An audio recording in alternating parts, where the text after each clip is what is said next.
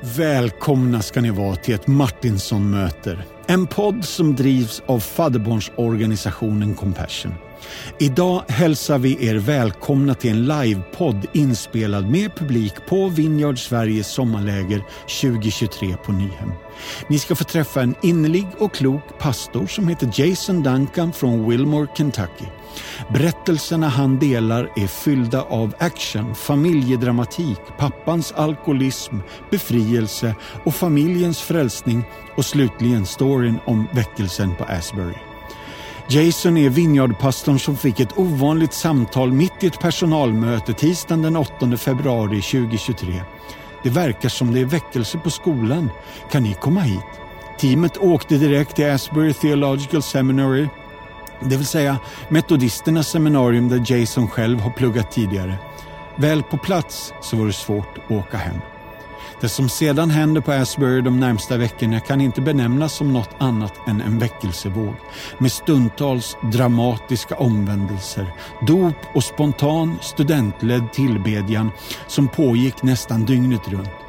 Inga strålkastare, inhyrda stjärnor eller speciellt smorda predikanter utan hela tiden bara enkla berättelser om Jesus och hans förvandlande kärlek och nåd.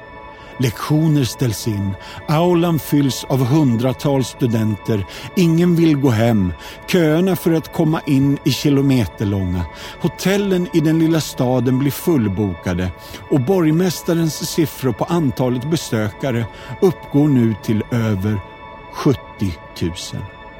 Jason och hans förbönsteam fungerar hela tiden som både själavårds och vägledningsteam mitt i detta intensiva utgjutande av Andens kraft och Jesu påtagliga närvaro. Det här, mina vänner, är modern kyrkohistoria. Jason han känner väl till Compassions arbete och avslutningsvis ger han oss goda uppmaningar om hur fattigdomen ska bekämpas. Hörni, varsågoda Jason Duncan.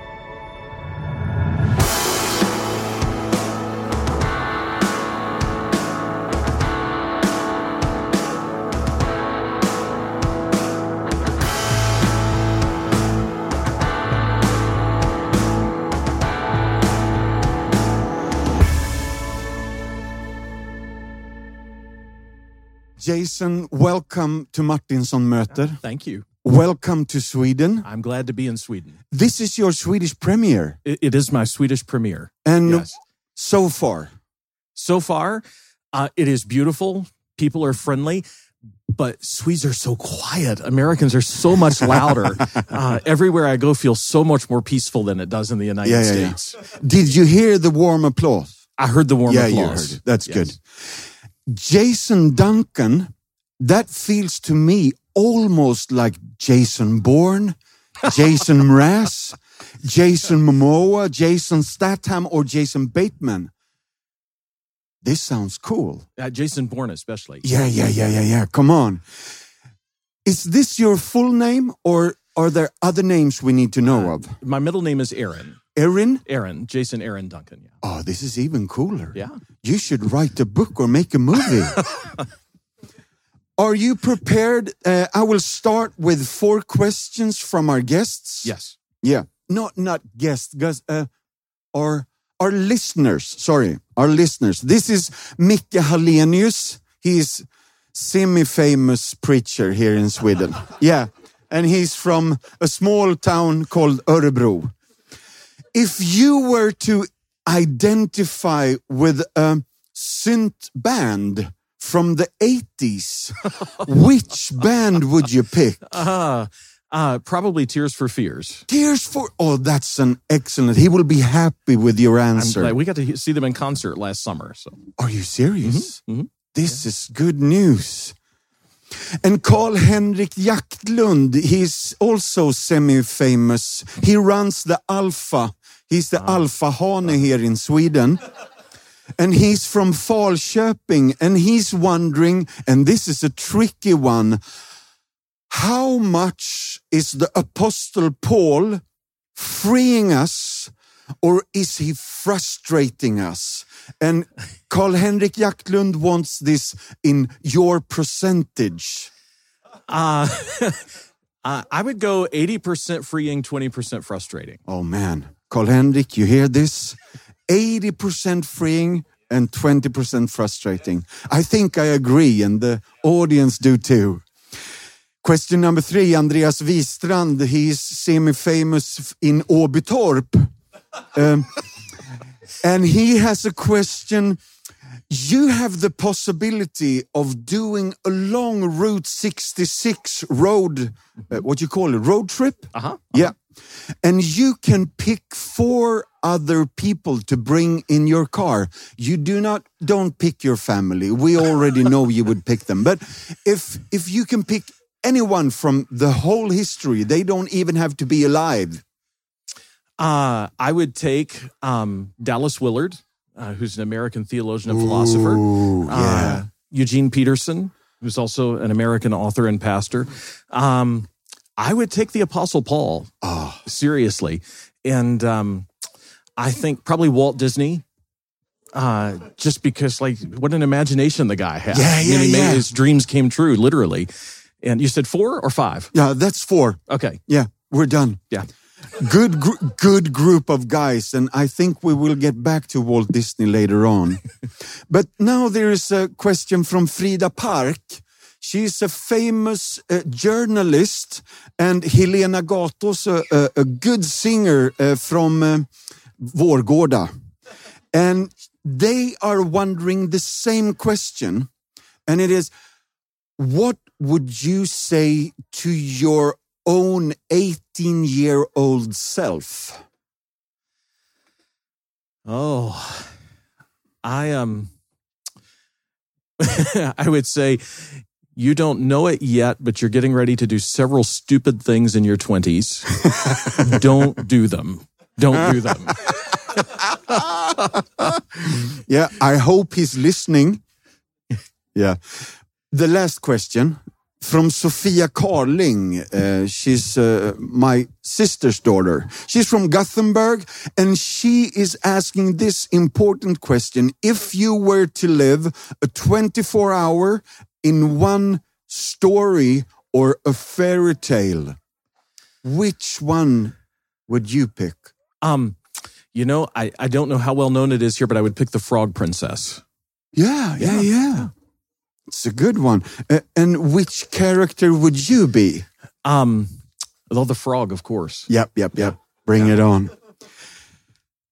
Um, Jason, can you tell us what happened 1976, the 15th of Ju- 14th. 14th Yeah. of July? Yeah. Yeah. Let us know. uh, I was born, and while I was born, my dad was dirt biking. Are so you yeah, this off riding a motorcycle. Yeah. But uh, he was dirt biking. This this makes so many other questions possible. but your mother was there. Uh, she was there. Yeah, yeah, yeah, yeah, yeah. yeah. That's good. Um, good. And how many brothers and sisters? Uh, I only have one sister. She's about seven years younger than I am. Yep. Yeah. Yeah. And where were your dad when she was? Yeah, he was there. He, Yep, had, he had learned by then. He had met Jesus by then. So. oh, this is. We need to get back to this story later on. It's good stuff. And where was this? Was it Princeton, West Virginia? Princeton, you did some research. It was Princeton. Yeah, Princeton, West Virginia. Yeah. And where where is that? Well, I mean, eh, overseas people know where New York is and where California is. A few people know where have known where Kentucky is because of Kentucky Fried Chicken. Yeah. Um, and uh, um, but West Virginia is literally west of the state of Virginia, and um, it's coal mining territory. We're one of the two or three poorest states in the United States, actually. So But you have lived in Kentucky for like 26 years? I have now lived uh, 25 years this Yeah. August. So I've lived in Kentucky longer than I lived in West Virginia. Yeah, yeah.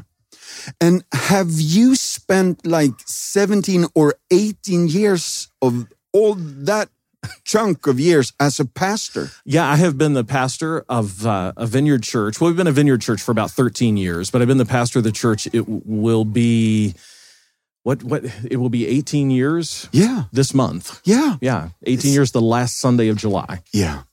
And this is GCF. GCF. Yeah. Yeah. Help me with that. GCF is uh, an acronym for Great Commission Fellowship Great Commission Fellowship. And this is in Wilmore? in Wilmore, Kentucky. Yep, yep, yep. And there is um, a theological seminary, and I have to confess, as a Swede, it's hard for me to say it without saying the ass stuff because it's it's ass Ashbury, Yeah, yeah, Yeah. yeah. Asbury. Asbury. That's Yeah, even better. Eh, Thank you, Lord. Think Z instead Yeah. of S. This is Yeah. important information.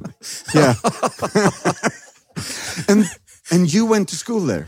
I went to well. There's two, there are two schools there. There's Asbury University, Yep. and Asbury Theological Seminary. Uh, and the seminary started out of the university, but they're two separate institutions now. Yeah. Uh, and so I went to the seminary. Yeah. Yeah. And I have two thirds of an MDiv, a Master's of Divinity degree, and a whole Master's in Counseling. Yeah.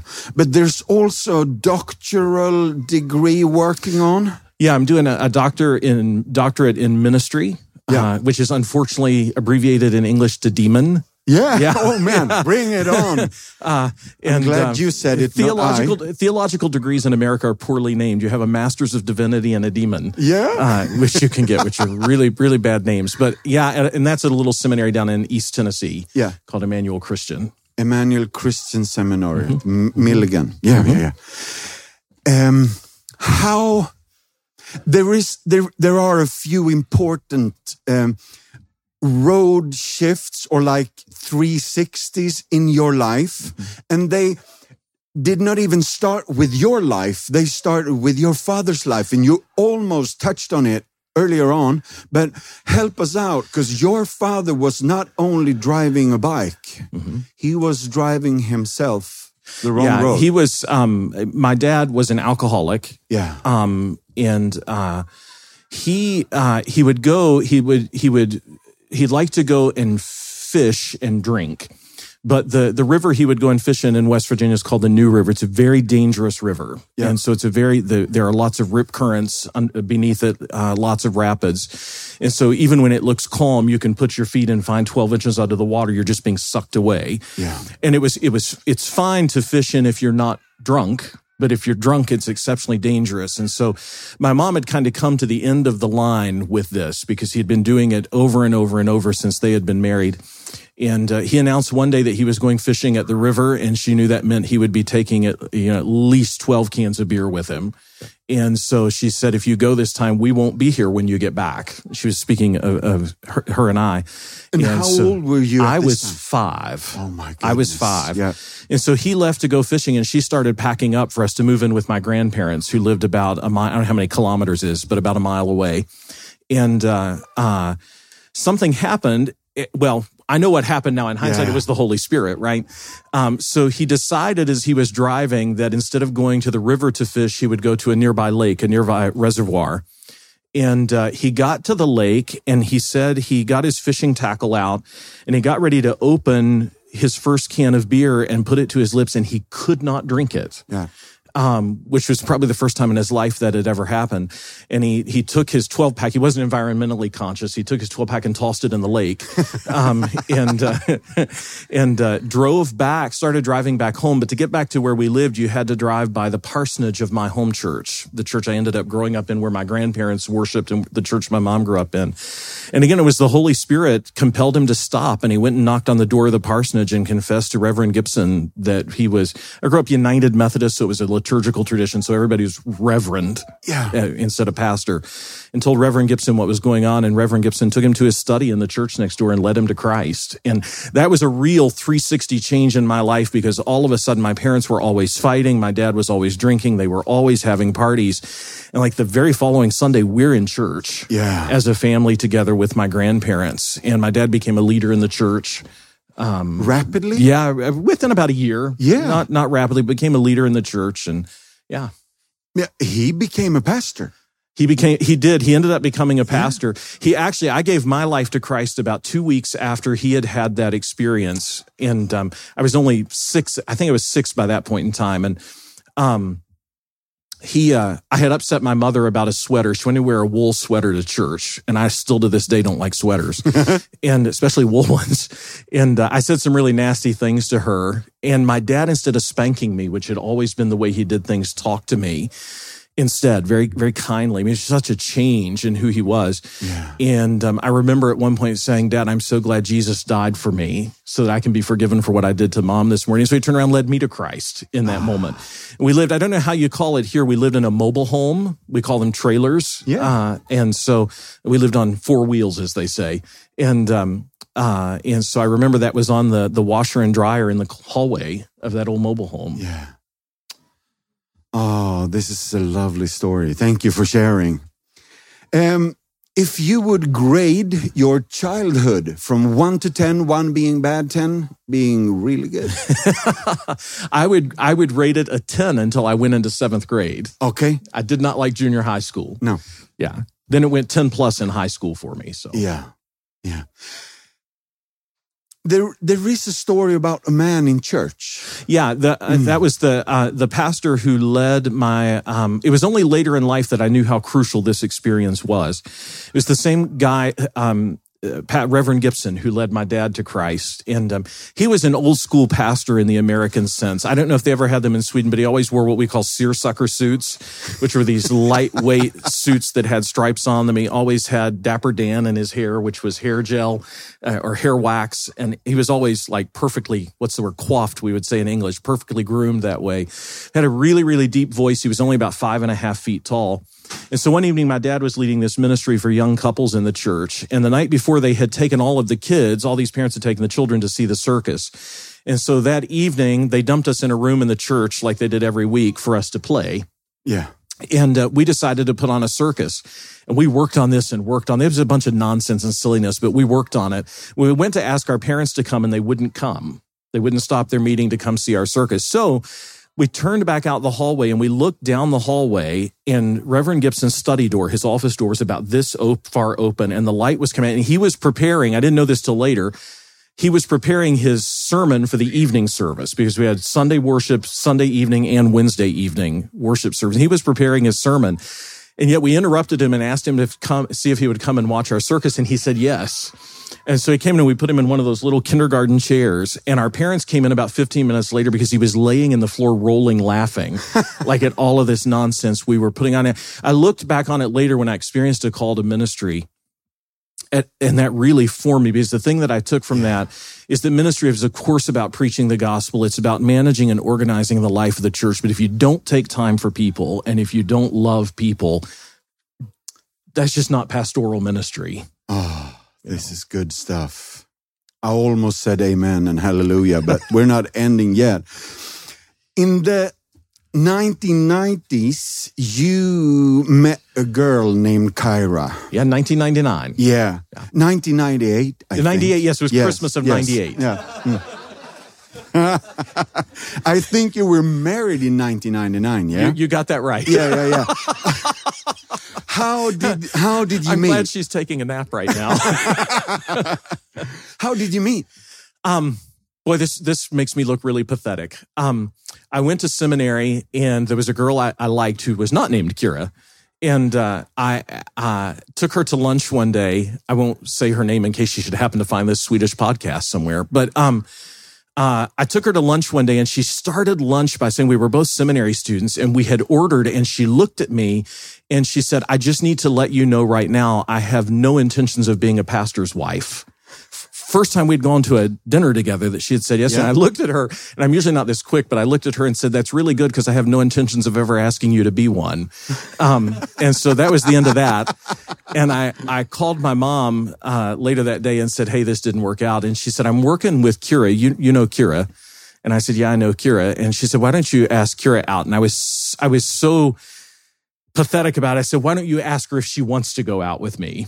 And, and if she does, then we'll go out at Christmas. And, um, if you don't mind me being mushy for a minute, Eh, go on. she, uh, I went back from Kentucky to West Virginia, uh, to the church. Her and my dad were both working together in a church at the time. Her dad's a pastor as well. And, uh, it was the Christmas pageant. So the kids do the, the story of Jesus that evening. And she came in about halfway through the pageant. She had had to work. And I just remembered, I'm sure it wasn't like this, but it was like music came on and lights shone specifically on her. Yeah, and I thought, and yeah, it really was in my mind. It was all playing through like that. And I'm like, why did I not pay attention to this girl sooner? Because I'd met her several times. So Yeah. Ah, good to hear.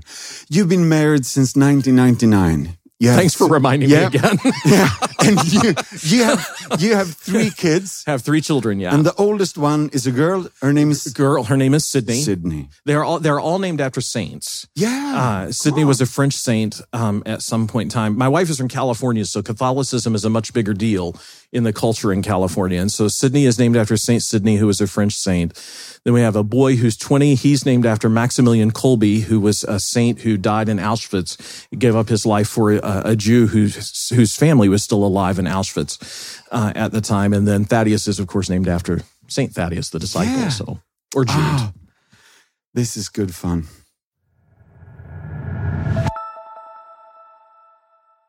Thales berättelse 13.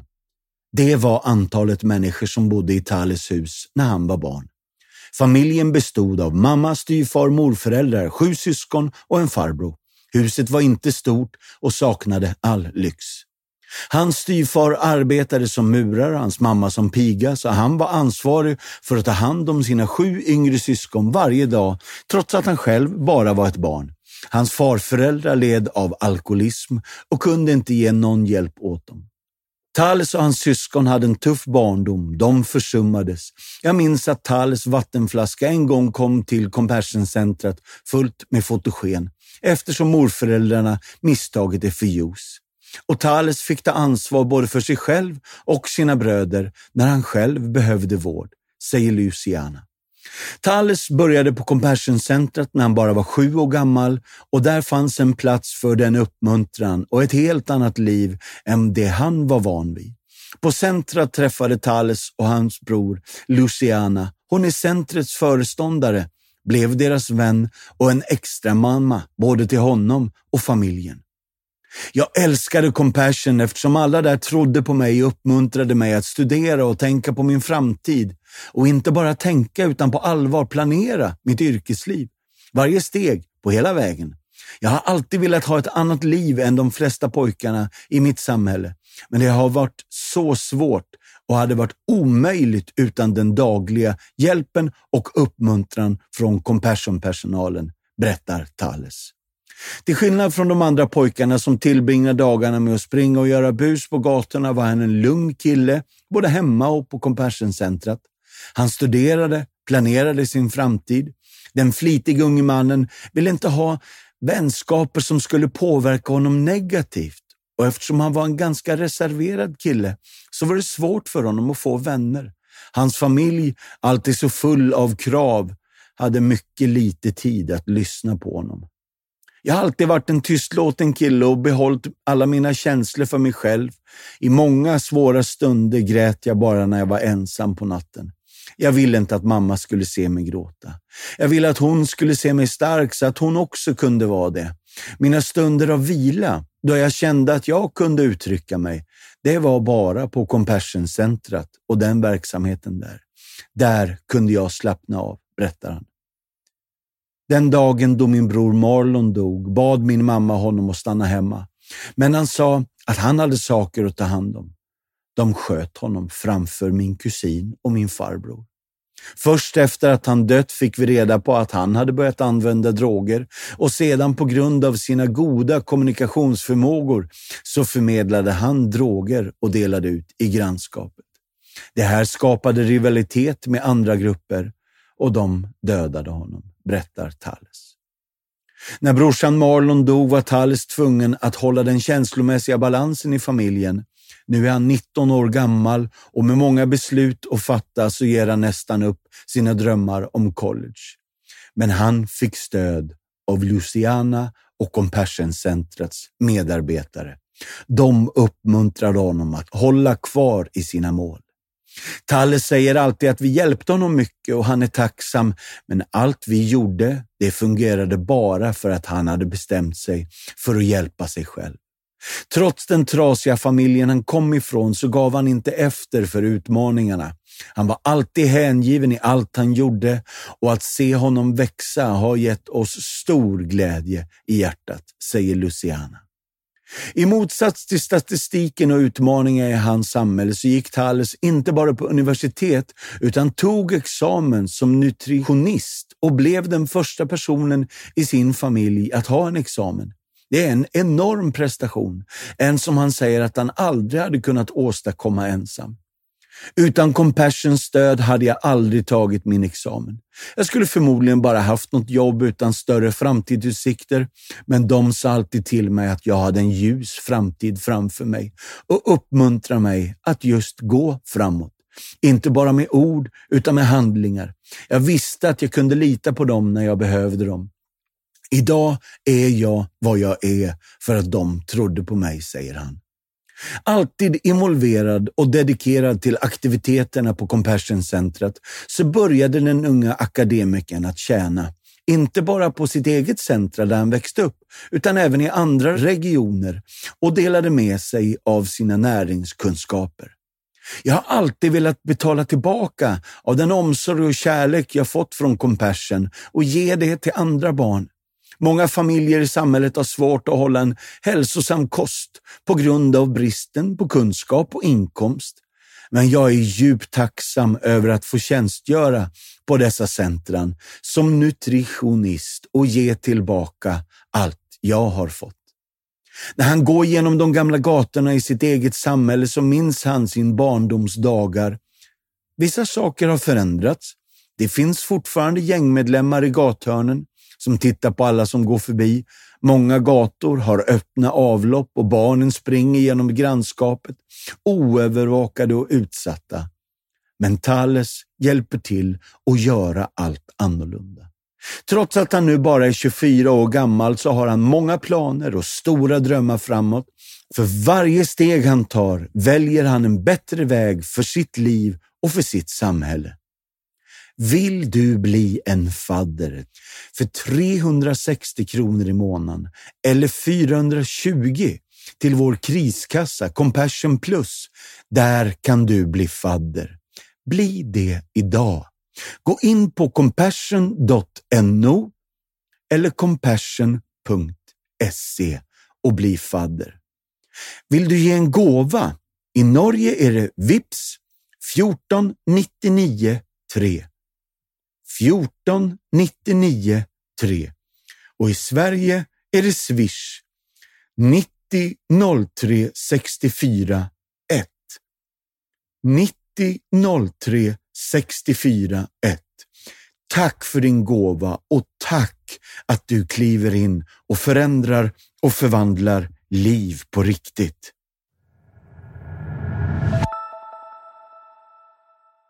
You love reading?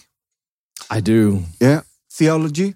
Uh, especially. History? Yes. And bourbon tasting?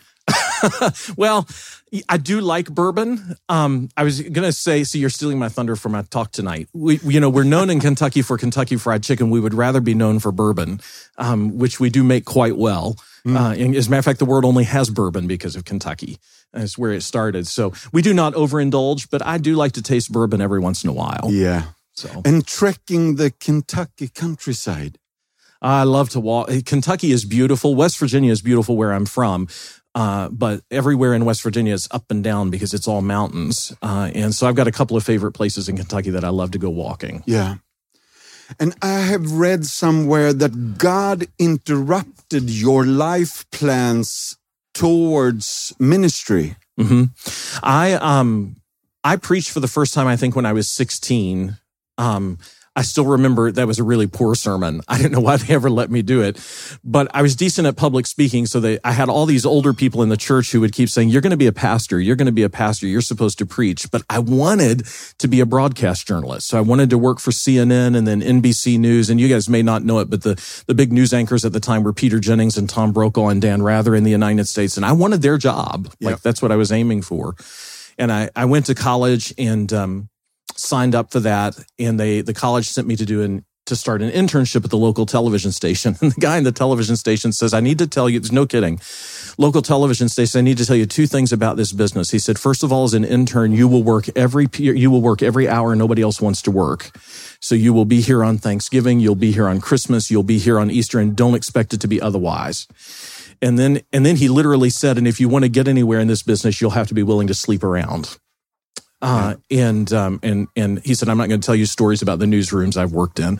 And I left thinking, I don't think I'm not sure this is for me.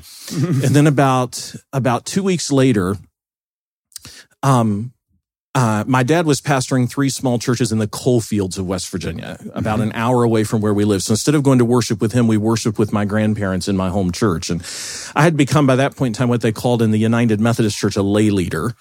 Um, and so our pastor was away and a fella in the choir died. And I was asked to go and be with his wife. And she had actually babysat me when I was a little guy. Yeah. Uh, and so it was my job to do that until he could get there. And I went and sat with her for the longest time and prayed with her and talked with her and let her cry. And when I walked out of the out of her house after the pastor got there, I walked onto her front porch. It was a beautiful sunny day like today and I just had this this sense. I knew immediately, and it was it was the Holy Spirit speaking, um, saying, "This is what I created you for." Yeah. And if you do not do this, you will never be happy hmm. in anything else. And so I called my dad and said, Hey, I think all those people telling me I was supposed to be a pastor, we say preacher in yeah. my part of America. Everybody who said you're supposed to be a preacher, I think they were right. As a matter of fact, I know they were right. Oh. So my dad was a great dad. He had already become a pastor by that point. I mean, he never pushed me toward it. Mm. He told me that day on the, when I called him or when I went home, it was for cell phones. I went home and talked to him. He said, I knew, um, uh, I knew that God was calling you to this, but he said, I also knew if I pushed you to it, it, that would you had to come to it on your own. And he was really good and kind of nurturing me that way instead of forcing me just waiting for God to to confirm. Yeah. Yeah. And I really love that you have been pastoring a church for like 18 years. Mm-hmm. This is good stuff. Yeah.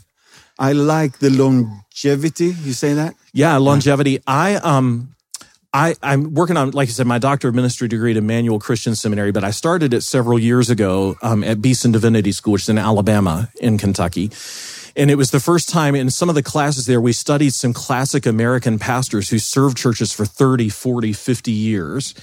And I really became enthralled with these guys who stayed somewhere that long. Um, not that you have to stay anywhere that long. I grew in the United Methodist Church. Pastors move every five years.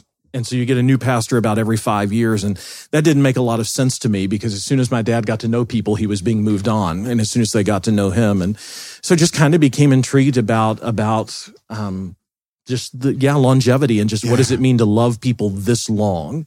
I think, I don't want to overstate it. I think pastors have, so everybody, you know, your family sort of has to love you, right? Um, pastors don't have to love you. And pastors have this unique role of being the one person who is not bound to you in any way, who loves you sacrificially just because Jesus tells them to. Mm. Right. And so I think pastors have this unique capacity to help people experience a degree of, of the love of Christ in a way that they may not get from family members or a lot of times from friend circles. Yeah. Um, and so that was, that intrigued me about staying for a long time. Yeah. And they've had me for a long time now too. Yeah. Um, I spoke yesterday yesterday about quite old movies during my teenage years, but your movie taste is even older than mine. Is this true? Uh, yeah, I don't know how many of you will know these names. I would prefer a movie to have Humphrey Bogart or Cary Grant or Jimmy Stewart in it uh, than to have just about anybody who's in an American movie now. Uh, I mean, except for Harrison Ford. I yeah. did see the new Indiana Hallelujah. Jones movie before I left yeah. Uh, to come. So, but he, Harrison Ford's kind of like those, the quintessential American actors from the 30s and 40s. So. Yeah, but he's like in his 80s now, so he's been around a long. He, he is 80, so that means we can count on the next Indiana Jones when he's 90. Yeah. So bring it on. Marx Brothers. I, I, I do like the Marx Brothers. Yeah. Um. I I there are some things that a couple of their movies in the, from the pre-code era they call it in the United States before we had censorship and some of the double entendre they tossed in that people missed back then. Yeah. That they intended that way is pretty clever. Yep. It's true. Do you have anything to say about radio shows that are scary? You had to have talked to Kira before we did this. Uh, we do like we do like uh, uh, radio shows from the 40s and 50s, sometimes from the 30s in the United States. And so a couple of my favorites were one called Suspense, which Alfred Hitchcock actually started uh, Yeah. when it started. Another one is called The Whistler, uh, and they're kind of not curious says they're scary. They're just suspense stories. Yeah. So Yep. Asbury. uh, that's How- good. Is Yeah. that good enough? Yeah. Asbury. I'm really nervous just saying it. I started to sweat. But this is a Methodist, old, old, old theological school. right? And there has been, like in 1908, a, a big revival. We've had, yeah, we have had. uh, So the school is not officially Methodist. The school, Okay. would, the school would say most of the students come from Methodist traditions. Okay, yeah, yeah, yeah. The school calls itself a non-denominational seminary in the Wesleyan tradition. Yeah. Um, so it would be Methodist, Free Methodist, the Wesleyans, the Nazarenes, um, and pretty much anybody. We have a lot of. There are actually a hand, quite a few vineyard folks who go to Asbury now. Um, and uh, uh, but there have been. and I've got this in my notes for tonight for my talk here at the conference tonight. There have been about nine revivals in the history of Asbury Yeah. University. So in back in 1950, it was like 1970. There was a big one in 1950. The, the most substantial one until the most recent one was in 1970. Okay, yeah. And the numbers are quite shocking because the, the town is not big. The, the town is, um, I drove by several, in the train, we rode by several towns that would be about the size of Wilmore, except that you add a university and a seminary Yeah. to the Wilmore community. But if you take the university and the seminary out of Wilmore, we have about 3,500 people, maybe 4,000 people.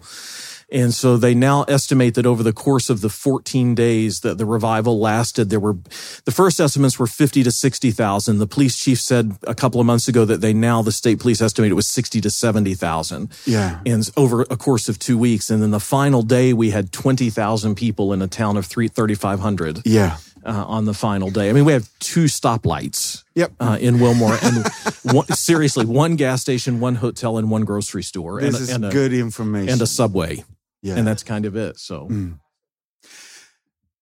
the 8th of February 2023 Mhm.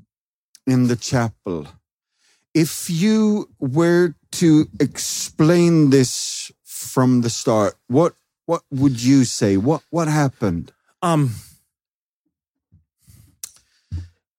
so chapel, Asbury University has chapel Monday, Wednesday, and Friday. Yeah. And so this was a regular Wednesday chapel. Um, the the the pastor who spoke that had been invited in to speak that morning even said later he thought it was one of the worst sermons he had ever given. um, and uh, he called his wife right after it was over and said, "Well, what we'd been praying for didn't happen. It didn't go well." But then, as students started to filter out to lunch, because chapels, I say 10, chapels at 11, they go to lunch right after chapel. And about 15 or 16 students stayed after, which is not abnormal. No. Um, at Asbury. What became abnormal was that students, they stayed for a longer period of time than they typically did. So that by the time students were finishing lunch, word started spreading that there were still students praying in the university chapel.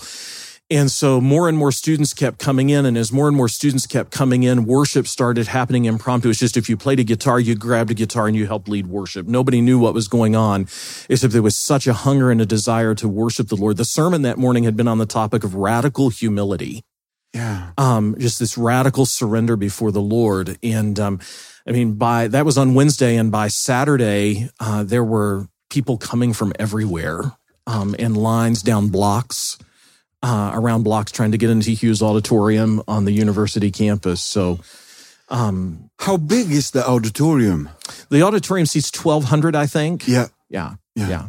It's really old. Uh, it's old by American standards. I mean, I was in buildings in Stockholm that are four and 500 years old or around buildings that old. In America, a 100 year old building is old. Yep. Um, and so it was built in 29.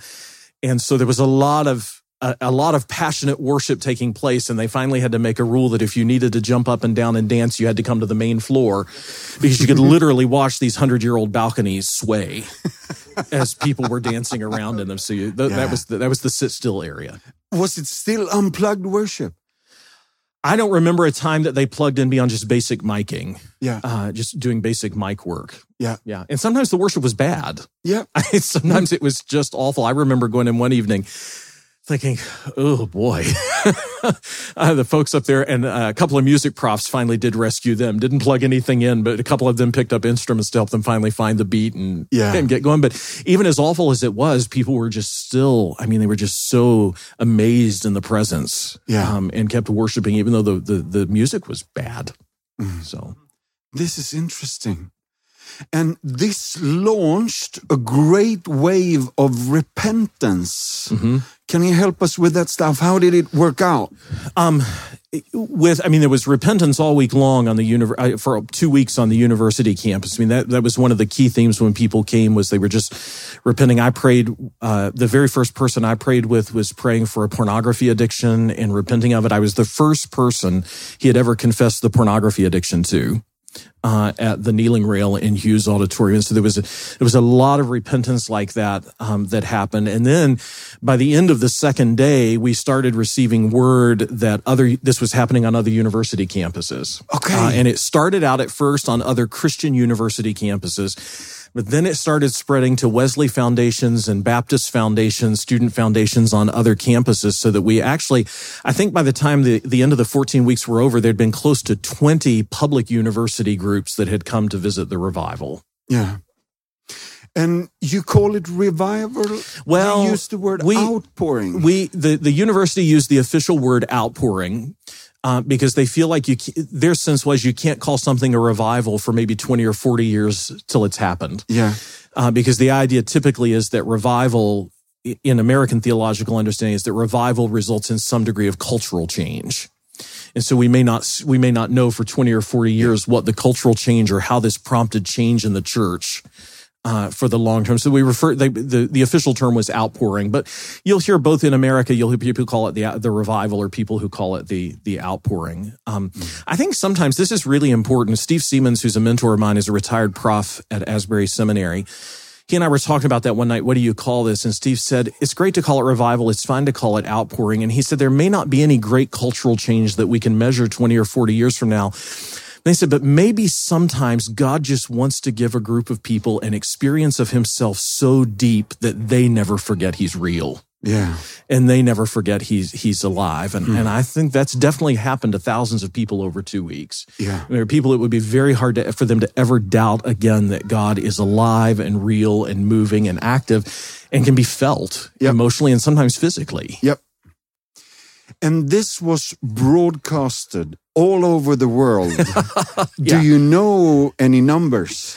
I do not, um, because for the first the first several days, the university would not allow any filming Okay. um, because they didn't want it to become co-opted by Yeah. outside groups. There were numbers of outside groups that tried to co-opt it for their own advantage. Yeah. Um, I don't know in Sweden if you have televangelists. We have televangelists in America, and we had numbers of of uh, of what we would call in the United States right wing televangelists come in and try to co-opt the revival for their own the outpouring for their their own platform. Yeah. And so it wasn't until the final few days, but there were, despite the fact that there was no, there was the university wasn't filming footage of anything. I, I, my 10 year old got excited because of post some, I posted 30 seconds of worship and it was watched by 70,000 people over two weeks. Oh, He's like, dad, you've gone viral, which was a big deal in his book.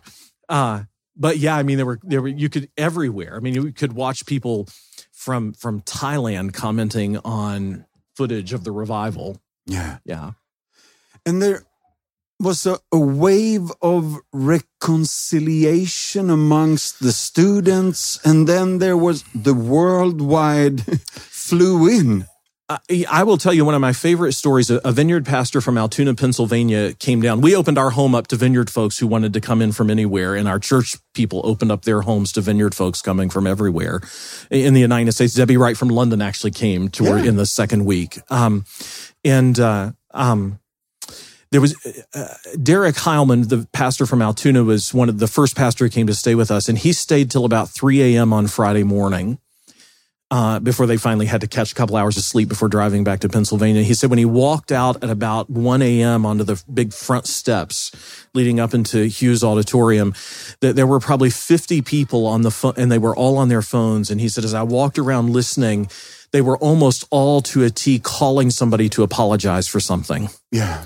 Um, because the Spirit of God had moved them to, mm. to reconcile into forgiveness. He's just surrounded by these people. And I think there'd been a call about that in the, from the leaders up front, just surrounded by these people weeping and crying and apologizing and making amends and reconciling with people. Oh, this is not only good information, but lovely words to hear. The evidence of the fruits of the Spirit in the room. Um, I, um, I cannot say enough about the Holy Spirit, of course, but I cannot say enough about how sensitive the leadership of Asbury University was to the Holy Spirit. And they were determined that, that the fruits of the Spirit would be well balanced with the gifts of the Spirit. Um, because the gifts of the Spirit practiced without the fruits of the Spirit is often showy. Yeah. Um, but the, the, the gifts of the Spirit practiced with the fruits of the Spirit is beautiful to see. Mm. It's a beautiful thing to watch. We know that really well in the vineyard, right? Um, and, uh, uh, and so they um, they did a great job of stewarding it, stewarding the movement of God with a sense of humility, a sense of love. Nobody got to platform themselves. My favorite was on the first big night on Friday night. Dr. Brown, who is the president of Asbury University, stands up to welcome the crowd. And so those of us from Wilmore knew he was Dr. Brown. Mm. But he stood up and introduced himself. And this, this was the attitude that captured the whole two weeks. He said, Hi, my name is Kevin and I work here. Yeah um, because there was just no one was gonna, no one was gonna use it as a platform for themselves. So the, the fruits of the spirit, especially humility and love and gentility, we just, there was such an outpouring of that and a mm. rising up of that for the two weeks. Yeah. And I also understood that uh, th- this spilled over in the surrounding city. Uh, yeah, they did. Um, there were a couple of services at the uh, at the first. Oh, I know it. Yes, yes, about the satellite locations. We had so many people coming that the seminary uh, across the street opened up Estes Chapel, McKenna Chapel, and the seminary gym. Uh, then we were asked to open up our building because we have a rather large worship facility. It's an older church in town, but it was the largest church in town, so it seats about a thousand. And so we were asked to open up our facility. The Baptists got in on the game. The Free Methodist Church, which is a little bit outside of town, has a huge parking lot and buses. They shuttled people in. Uh, to Hughes Auditorium. So it spilled out and it was, I remember at one point about five or six days in telling my wife, Kira, it's not just the university, our whole community is going to end up hosting this. Yeah. You know, we're all going to have to host the presence of God and host the people who are coming to experience the presence of God. Yeah. And you've been involved, you were a student earlier on, but you've been involved providing pastoral care and mm-hmm. equipping during this outpouring. Yeah. Um, we did a lot of prayer ministry. Yeah. Um, we were there. We were blessed to be there. We were there on the first night, that Wednesday night. And then we were asked to come back. They wanted pastor, pastoral leaders in town on the last night to, to be the prayer ministry team. So we got to be there for the beginning and the end, uh, which was really, but we did a lot of prayer ministry. Um, and talk about this again in my message tonight as well. We did, um, uh, we, we also did a lot of pastoral care with people who didn't have the same kinds of experiences. Yeah.